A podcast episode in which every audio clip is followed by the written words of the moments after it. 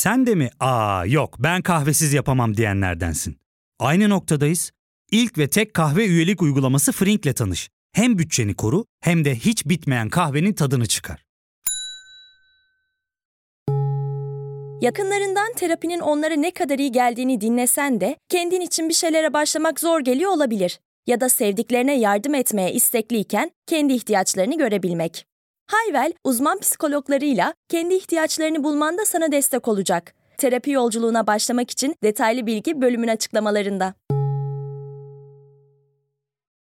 Merhabalar Trend Topik'in yeni bölümüyle karşınızdayız. Bu bölümde biraz normalleşme, şimdi Türkiye'de yavaş yavaş normalleşme adımlarını atmaya başladı ya. Türkiye'ye bakacağız, Avrupa'ya bakacağız. Kim nasıl normalleşiyor biraz onun üzerine konuşacağız. Bir de tabii öte yandan hem Amerika Birleşik Devletleri'nde hem Avrupa'da bu korona tedbirlerine karşı sokak eylemleri gördük. Yeni bir akım geliyor. E, bu yeni akım üzerine ne gibi gelişmeler oluyor ona bakacağız.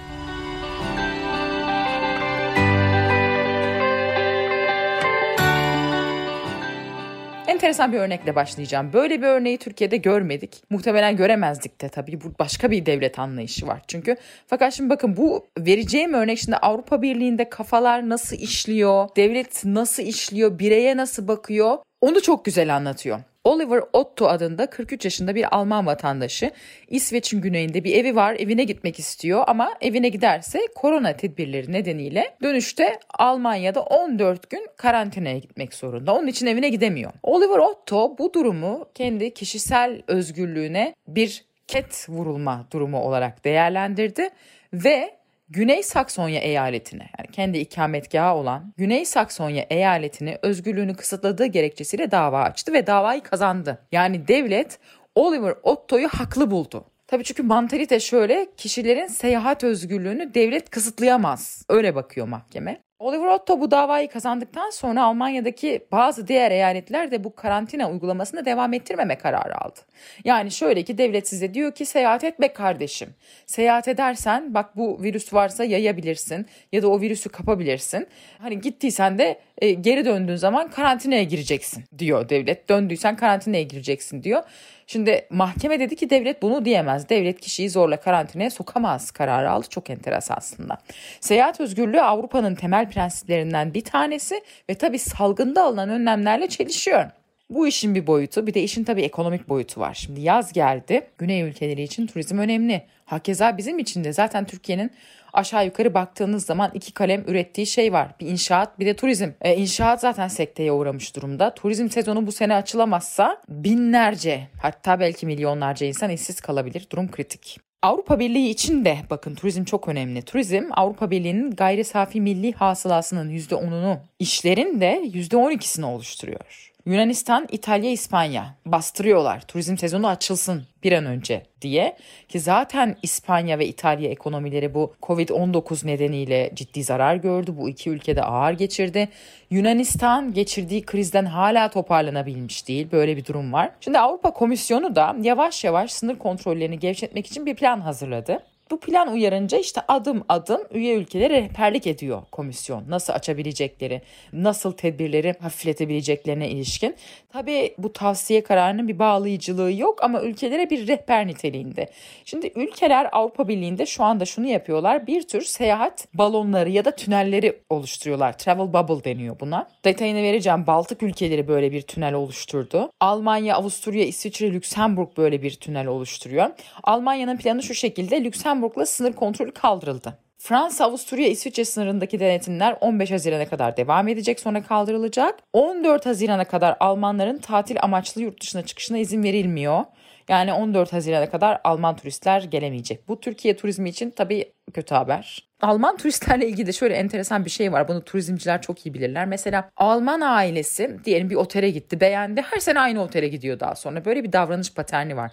Bu gittikleri restoranlarla ilgili falan da aynı. Yani bir Alman ailesi hafta sonu gittiği bir restoranı beğendiyse oranın müdavimi oluyor. Bu tarz müdavimliği seviyorlar. Onun için Alman turistler de Türk turizminde önemlidir. Baltık ülkelerinin böyle bir seyahat tüneli var demiştim. Estonya, Latvia, Litvanya. Bu üç ülke, bu üç Baltık ülkesi kendi aralarında tren, karayolu, deniz yoluyla seyahate başladı. Şimdi tabii İtalya ile İspanya bastırıyor yani tünel falan yapmayın kardeşim turizm sezonu açılsın diye bastırıyor ve hatta İtalya'da da şöyle bir tartışma konusu başladı. Şimdi İtalyan siyasetçiler diyorlar ki ya İtalya'ya seyahat izni vermeyeceklerse biz çıkalım Avrupa Birliği'nden bize bunun ne faydası olacak diye de böyle bir tartışma başlamış durumda. İşin seyahat kısmı bir tarafa öte yandan tüm dünya gibi Avrupa'da da hayat durmuştu vaka yayılma hızının yavaşlamasıyla bu vaka yayılma hızı meselesine de Türkiye'de yeni aşina olduk. Biz hep işte tabiri caizse tırnak içinde kelle sayıyorduk. Ama aslında hep bu Almanya başından beri bu vaka yayılma hızı yani bir kişi kaç kişiye bulaştırabiliyor onu hesap ediyor. Türkiye'de hala işte bir kişi bir buçuk kişiye bulaştırıyor gibi ama bu işte Almanya'da sıfıra yaklaştı mesela onun için tedbirleri gevşetiyorlar. Bu önemli. Normalleşme adımları kim ne adım atıyor? Belçika'da Ulusal Güvenlik Konseyi 18 Mayıs'ta kuaför okulları açıyor. Restoran ve kafeler 8 Haziran'da açılacak. Spor ve kültür aktiviteleri 30 Haziran'da başlayacak maske takmak zorunlu. Fransa'da kuaförler, kitapçılar, çiçekçiler ve kıyafet satan dükkanlar açıldı. Toplu taşımada maske takmak zorunlu. Fransızlar evlerinden 100 kilometre kadar uzağa hiçbir izin belgesi olmadan seyahat edebiliyorlar. İspanya en ağır etkilenen ülkelerden bir tanesiydi ama açılma adımları atıyor. Madrid ve Barcelona haricinde barlar, restoranlar, kafeler sosyal mesafe kurallarına uymak kaydıyla çalışıyor. Sinema, tiyatrolar açılmıyor. Okullar Eylül'de açılacak. İspanya artık daha bu yaz okulları açmıyor. İtalya'da ofisler, dükkanlar, kiliseler, müzeler 18 Mayıs itibariyle açılıyor. Barlar, restoranlar 1 Haziran'da açılıyor. İtalya'da malum çok ağır geçirmişti salgını ama yavaş yavaş açılıyor. İtalya'nın turizme ihtiyacı var.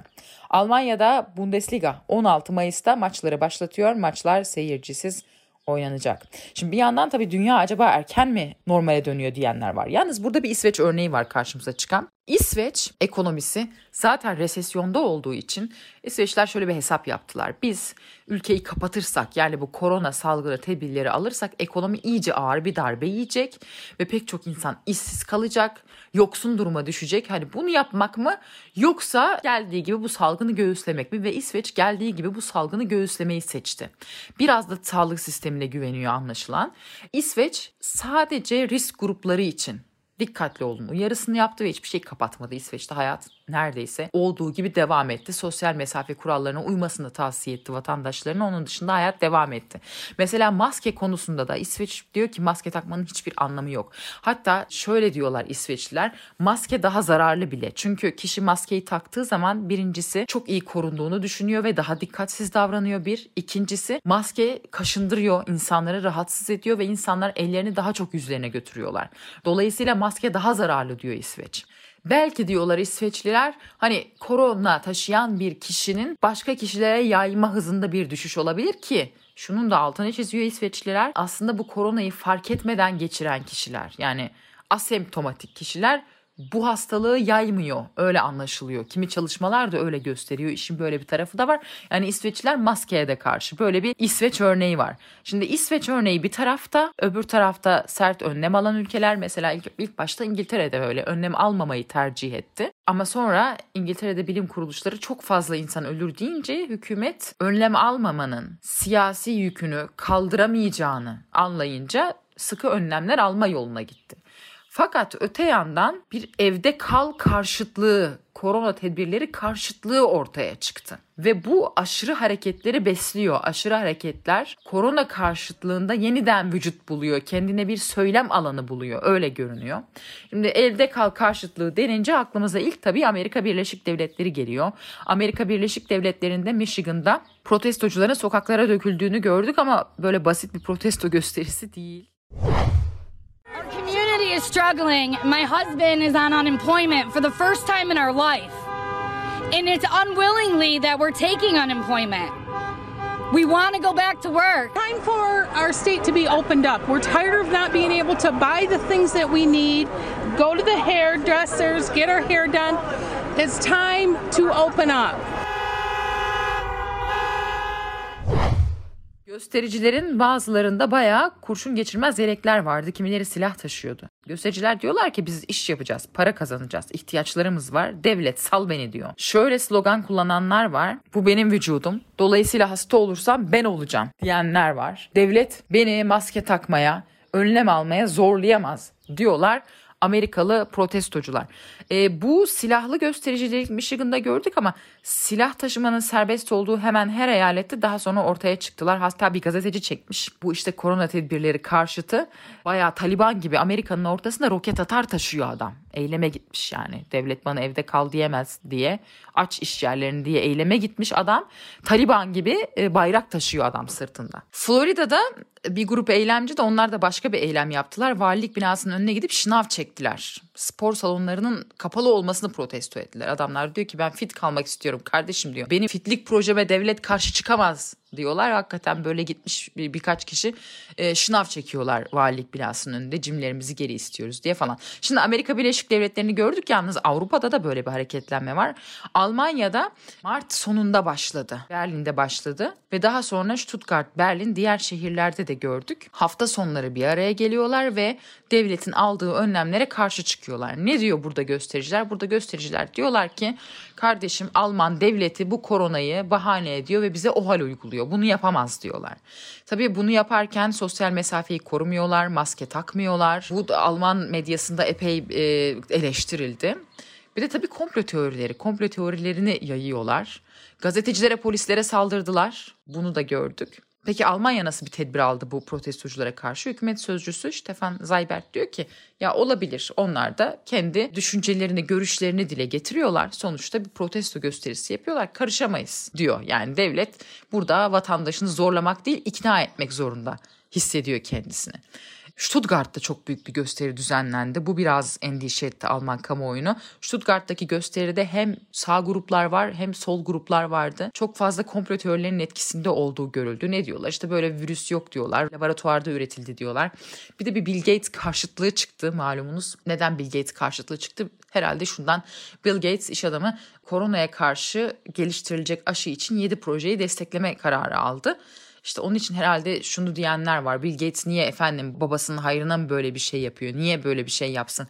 Bill Gates kesin bu işin altında bir bit yeneği var. İşte aşı diyecekler bize çip yerleştirecekler bilmem ne falan böyle şeyler söyleniyor. Bill Gates karşıtlığı Türkiye'de de bu arada sosyal medyada şimdi görülmeye başlandı yavaş yavaş. Bu gösteriler nasıl başlamış? İlk Berlin'de antikapitalist bir dernek Demokratik Başkaldırı'nın İletişim Merkezi Derneği ilk onlar başlattılar. Onlar diyorlar ki işte Almanya virüsü bahane etti o hal rejimine geçti diyorlar. Vegan olduğu için benim çok ilgimi çekti. Vegan birisi var bu gösterilerin fitilini ateşleyen Attila Hildman diye. Attila Hildman Türk birisi ama Alman bir ailede büyümüş. Diyor ki Hildman Almanya mahsus korona rakamlarını yüksek veriyor. İşte bizi kontrol altında tutmaya çalışıyor diyor. Çok takipçisi var ve bir etki alanı var. Öyle görülüyor. Ya fark ettin mi? Biz en çok kahveye para harcıyoruz. Yok abi, bundan sonra günde bir. Aa, sen Frink kullanmıyor musun? Nasıl yani? Yani kahvenden kısmına gerek yok. Frink'e üye olursan aylık sadece 1200 TL'ye istediğin çeşit kahveyi istediğin kadar içebilirsin. Günlük 40 TL'ye sınırsız kahve mi yani? Çok iyiymiş. Aynen. Hatta şu anda 200 TL'lik bir indirim kodu da var. E hadi hemen indirip üye ol da bu fırsatı kaçırma. Terapiye başlamak, içinden çıkamadığın döngüleri kırmak, bazı yanlış bulduğun kararlarını değiştirmek ve kendinle beraber daha huzurlu bir yaşam inşa etmek için atabileceğin en değerli adımlardan biri. Hayvel ile yoğun yaşam tempona uyum sağlayarak online terapi seanslarını takvimine göre ayarlayabilirsin. Bini aşkın uzmandan sana en uygun terapisti seçebilir, podb10 koduyla indirimden yararlanabilirsin. Detaylı bilgi açıklamalardaki bağlantıda.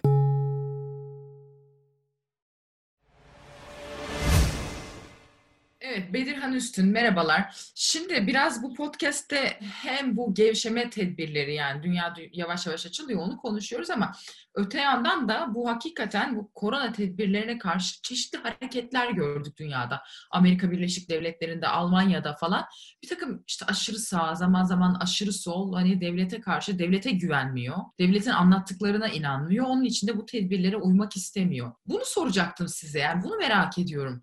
İnsanlar neden devlete güvenmiyorlar, bu verilen bilgilere güvenmiyorlar da işte YouTube'da izledikleri ne bileyim böyle Bill Gates karşıtı bir video daha inandırıcı geliyor insanlara.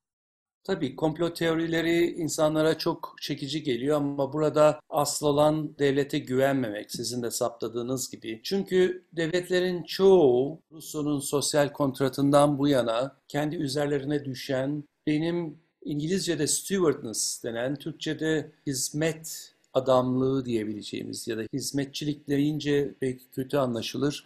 Ama devletin görevi vatandaşına hizmet etmektir. Ona bir takım servisleri sağlamaktır. Bunu yapmadıkları için ve tam tersine mutlak bir devletçilikle biz her şeyin üzerinde sanki mutlakiyetin devamı gibi davrandıkları için insanlar güvensizlik duyuyorlar. Yani onlar devlete karşı görevlerini yapıyorlar, vergilerini veriyorlar, üretimlerini yerine getiriyorlar. Şu oluyor, bu oluyor.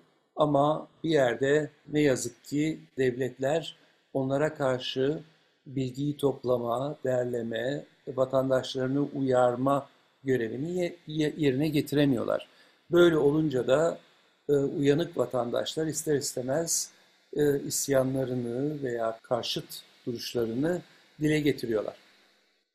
Peki mesela acaba neden genellikle işte böyle bir hastalık vesaire yani bir şey yaşadı, yaşandığı zaman insanlar bu işin içinde bir bit yeniği olduğunu düşünür ve mesela bunu kendilerinin fark ettiğini söylerler. Buna inanırlar. Yani işte diyelim çok gizli bir plan var. İşte bu Covid-19'la ilgili ne bileyim Bill Gates bize çip yerleştirecek. Böyle bir plan. Hani böyle bir komple teorisi var ya. Hı hı. Ee, insanlar bak koskoca hiçbir kurum bunu bilemiyor. Bir tek ben biliyorum. Bile, bile, bilebiliyorum. Buna inanabiliyor insanlar. Yani kardeşim bu kadar gizli bir plansa bu gizli plan sana kadar nasıl yansıdı? Anlatabiliyor muyum? Hani böyle bir rasyo ortadan kaybolmuş oluyor çoğu zaman. Evet. Yani insanlar her zaman için bilinmeyene karşı onu anlamak ve bir açıklama yaratmak konusunda ister istemez eğilimli olmuşlardır. Yani komplo teorilerinin böyle bir bilinmeyeni açıklayabilme, bir anlama gücü verme gibi bir şekilde anlamları var. O ister istemez etkili oluyor. Bir şekilde insana bunun arkasında bir bit yeniği var ve siz özel bir kişisiniz. Diğerleri sıradan ve siz bu özel bilgiye hak sahibisiniz gibi bir anlam bahşediyor. Ha, kişi orada özel özel de hissetme ihtiyacını o zaman herhalde bir şekilde karşılamış mı oluyor acaba? Tabii ki yani özel hissetme ihtiyacını karşılamış oluyor tam dediğiniz gibi ve de bu siyasette entrikayı yapıyorsanız siz siyaseti biliyor oluyorsunuz. Siz bir yerde insanlar arası ilişkide görünmeyeni algılıyor, seziyor oluyorsanız siz bu işin erbabısınız gibi oluyor. O anlamda maalesef kompletörlerinin dayanılmaz bir çekiciliği var. Evet. Peki bu hareketler acaba yani şu anda insanlar uzun süre evde kaldılar. Şimdi zaman işte bir takım e, önlemler gevşetiliyor ama belki tekrar vaka sayısı artarsa yeniden bu önlemler devreye sokulacak. İnsanlar evlerindeler. İşlerini kaybediyorlar, gelirlerini kaybediyorlar. Geleceğe karşı herhalde biraz umutlarını yitiriyorlar. Bu nasıl bir şeye evrilebilir acaba? Ne dersiniz hocam? Tabii insanlar için bu çok bilinmedik bir yaşam tarzı. Hani bizim yaşımızda olanlar Kıbrıs Harekatı sırasında sokağa çıkma yasağını, gece karartmalarını, sıkı yönetimlerde bunları yaşadık. Ama çok uzakta kaldı. Anılarımızı bile deşince böyle şeyler çok aşina olduğumuz e, durumlar değil. Ve uyaran azlığını getiriyor. Uyaran azlığı da gözlerinizi kapattığınız vakit hani nasıl gözlerinizin önünde rüya görür gibi hayaller canlanır ya bir takım şeyler canlanıyor. Bu bir. İkincisi ya ekonomi çok kötü vurdu. Nereden bakarsan bak. Yani zaten Covid olmasa da kötüydü diyeceğim.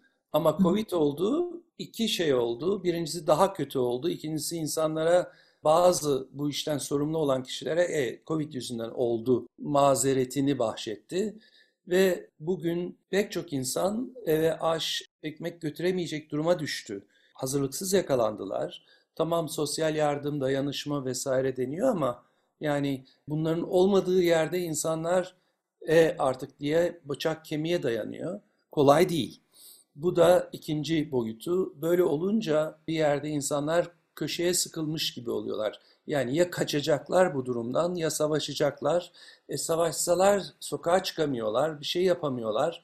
Ne yapıp ne edip üstesinden gelirler? Bir yerde o insanlara köşeye sıkılmışlık karşısında bir şeye saldırma hırsı veriyor. Şimdi biz tabii Türkiye'de de yani Türkiye'de İstanbul Politikalar Merkezi'nin araştırmasına göre hane halkının, hane halklarının %84'ü gibi bir oran ya gelir kaybı yaşamış ya da iş kaybetmiş. O haneden, o aileden birisi işini kaybetmiş. Çok ağır bir durum. İstanbul Büyükşehir Belediyesi 11.500 kişiye bu süreçte psikolojik destek vermiş. Bu bize ne gösteriyor? Bu, bu aslında inanılmaz bir rakam 11.500 kişinin. Ya bunlar tabii ki yardım isteyebilenler bir de öyle değil mi günün sonunda? Yardım isteyemeyen ama belki işte bir tür depresyona girmiş ya da psikolojik sıkıntı yaşayan demek ki çok daha fazla sayıda insan var herhalde. Tabii ki yani insanlar böyle bir şeyle karşılaşınca ister istemez değişik aşamalardan geçiyorlar. İlki aa bir inkar oluyor. Bu bana uğramaz. Böyle bir şey yok. Nerede vesaire diye. Bülent Ortaçgil'in bir şarkısı vardı. Ee, AIDS mates bana takmaz gibi. Aynı şekilde Covid de bana takmaz diyorlar. Ama ikincisinde bakıyorlar ki çevrelerindeki tanıdıkları 3-5 kişiden birinde çıkıyor bu ister istemez çok büyük bir kaygı yaratıyor. Bu büyük bir bunalım oluyor. Sonra acaba biz bununla nasıl baş ederiz gibi şunu şunu yapsam geri döner mi noktasına geliniyor. Ve eğer vurulurlarsa da ya da bir şekilde hani hastalık olmasa bile ekonomik doğurgularıyla vurulurlarsa da umutsuzluk, bir çöküntü oluşuyor. Her şey yalan, her şey boş şeklinde. Ve artık bu değişik beş evrede sonuncusu da kabullenme, bu da geldi başımıza diye kabulleniyor. Ben İstanbul Büyükşehir Belediyesi'nin sizin vermiş olduğunuz rakamların 11.500 kişi az olduğuna inanmıyorum. Daha da çoktur. Bize gelen kişilerde de her aşamada her kişinin COVID ile ilgili çok önemli kişisel değişik boyutlara uzanan yaşantıları oluyor. Kimi dünyanın bir ucundaki eşini, dostunu, çoluğunu, çocuğunu, eşini göremiyor. Kimi eve ekmek götüremiyor. Kimi işini kaybediyor, parasını alamıyor. Kiminin işi batıyor. Yani bütün bunlar hani bir ayrılık, bir yoksulluk, bir ölüm. Ölenler başka, ayrılanlar başka, yoksulluk başka. Çok büyük dertlerimiz oluyor. Bu sayı bence sadece buzdağının tepesi İstanbul Büyükşehir Belediyesi'nin hizmet hattına cevap verenler bence toplum sattığında bir araştırma yapsa bu sayının çok çok daha büyük olduğu görülür. Peki kendini kötü hissedenler e, ne yapsın? Yani bir öneriniz olur mu? Biliyorum tabii böyle öneri vermek istemiyor genellikle uzmanlar, hekimler. Haklısınız ama ne bileyim böyle küçük bir tip belki insanlara yardımcı olacak. Yani bu işin ezbere bir formülü, bir cevabı yok. Ama en önemli şeylerden bir tanesi bir yerde umut. En gerçekçi yol gösterici bilim bence bilimsel yollardan bir çözüm aramak oluyor. Çaresi bilgi vermek, açık, seçik ve net bu bilgiyi almak. Yani eğer siz bir takım şeyleri bilirseniz ona göre kendi davranışlarınızı ayarlayabilirsiniz.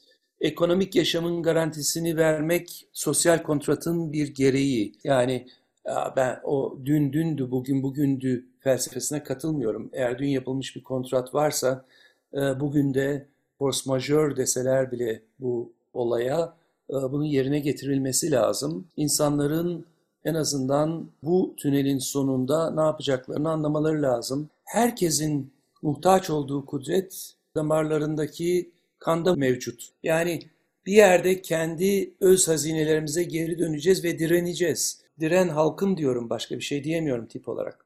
Bedirhan Hocam çok teşekkür ederim. Ağzınıza sağlık. Rica ederim. Hoşçakalın. Peki Türkiye'de normalleşme ne zaman olacak, nasıl olacak? Sosyal medyada habire işte bir caps'ler dönüyor, bir pdf'ler dönüyor falan filan. E, Cumhurbaşkanlığının planı deniyor. Şu bu tabii bilmiyoruz. Zaten Türkiye başından beri hiç şeffaf götürmedi bu işi gördüğünüz üzere. E, işte rakamlar açıklanıyor falan ama hangi şehirde ne var falan bunu bilmiyoruz diğer ülkelerin aksine. Şimdi ne olacak? Ee, Valla herkes bir şeyler tahmin ediyor falan ama iktidara yakın gazetecilerden bir tanesi, iktidardan haber alabilen gazetecilerden bir tanesi Hürriyet Gazetesi yazarı Abdülkadir Selvi yazmış.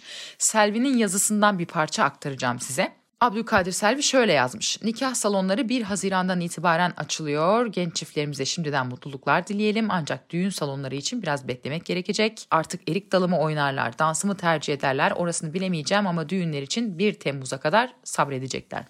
Yüzme havuzları, kaplıcalar, spor merkezleri ve çay bahçeleri içinde bayram sonrasını beklemek gerekecek. Çok değil 15 Haziran'dan itibaren piknik alanları açılıyor, mangal keyfi başlıyor. Cuma namazı kılmak için sabırsızlananlar 12 Haziran'da cuma namazını kılabilecekler ama bir şartla. Öyle cami içinde safları sıklaştırarak değil, cami dışında açık alanlarda kılınabilecek. Vakit namazları ise camilerin içinde sosyal mesafe kuralına dikkat ederek ve maske kullanmak şartıyla kılınabilecek. Hac hazırlıkları hemen Ramazan bayramından sonra başlıyor ancak haccın olup olmayacağına Suudi Arabistan'daki gelişmelere göre karar verilecek. Peki umre ne olacak? Umre için 1 Eylül tarihi esas alınarak hazırlıklar yapılacak. İple çektiğimiz tatil zamanı geldi. Hemen baştan söyleyeyim. Bu yıl tatile gideceğiz ama kurallı tatil olacak. Kuralların ne olacağını Turizm Bakanlığı açıklıyor. 27 Mayıs'ta ise oteller, moteller hatta pansiyonlar müşteri kabul etmeye başlayacak. Bacasız sanayi olan turizmde takvim öngörülenden hızlı işliyor. Ha unutmadan söyleyeyim Yunanistan ve Bulgaristan'la sınırların açılmasının 1 Haziran'a çekilmesi planlanıyor. Hem Yunan adalarında tatil yapacaklar hem de iki ülkedeki yakınlarını ziyaret edecek gelecekler için iyi haber. İç hat uçuşları bayramdan sonra başlıyor. 27 Mayıs'ta sadece iç hat uçuşları değil aynı zamanda turizm bölgelerindeki balon uçuşları da başlıyor. Nevşehir hadi iyisin dış hat uçuşları ise yine aynı tarihten itibaren kademeli olarak başlayacak demiş Abdülkadir Servi. Abdülkadir Servi tabii iyi niyetle Yunan adalarında tatil yapacaklar demiş. Artık bu sene bu euro ile hangi baba yiğit Yunanistan'da tatil yapabilir bilmiyorum. Yani Yunanistan'da ortalama bir böyle pansiyona, hostele falan gitsek bu euroyla herhalde Sheraton'da kalmış kadar para öderiz yani bizim parayla karşılaştırınca. Zor. Her baba yiğit Yunanistan'a gidemez bu sene öyle görünüyor. Bir de zaten resesyon var, iş yok yani piyasada kim gidecek? Yine yurt içinde tatile gidebilirsek iyi. Şimdi bu işin bir tarafı bir de tabii futbol tarafı var. Bundesliga açılıyor. 12 Haziran'dan itibaren de Süper Lig'in yeniden başlayacağı belirtildi. Takımlar antrenman yapmaya başladılar derken hem Fenerbahçe hem Beşiktaş hem de Galatasaray'da pozitif vakalar ortaya çıktı. Galatasaray 6 gün antrenman yapmayacak. Beşiktaş Kulüp Başkanı Ahmet Nur Çebi ve toplamda 8 kişinin Covid testleri pozitif çıktı. Bakalım nasıl olacak yani sezon başlayacak deniyor ama başlayabilecek mi hakikaten? ya da başlayınca bunun sonuçları çok mu ağır olacak onu göreceğiz. Şimdi mesela Bloomberg'de böyle bir makale vardı. Bloomberg İsveç örneğini vermiş. Hiç önlem almadı. İşte sürü bağışıklığına gitti diye. Bloomberg diyor ki Böyle aylarca, yıllarca aşı çünkü belki yıllarca bulunamayacak falan deniyor.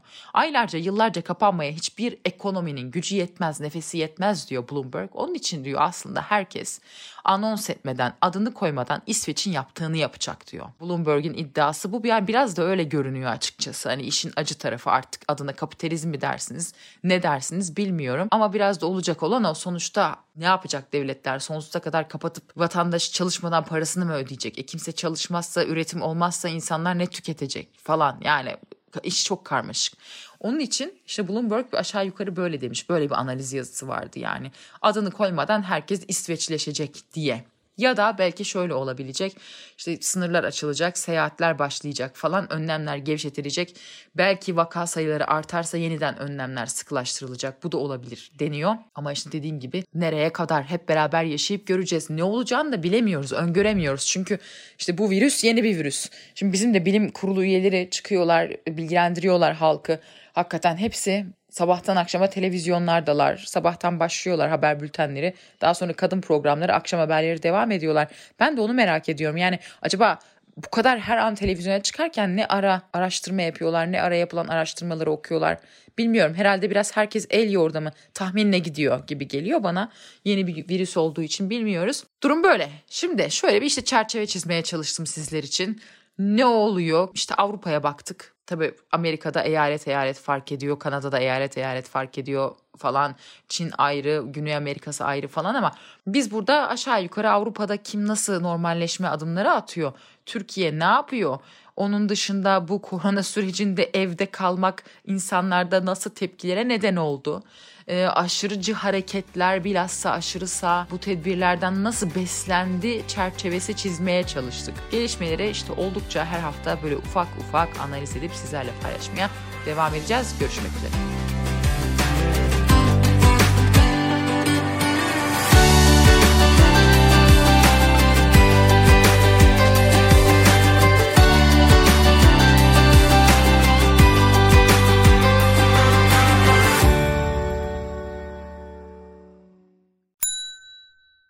Ve tek kahve üyelik uygulaması Frink, 46 ildeki 500'den fazla noktada seni bekliyor.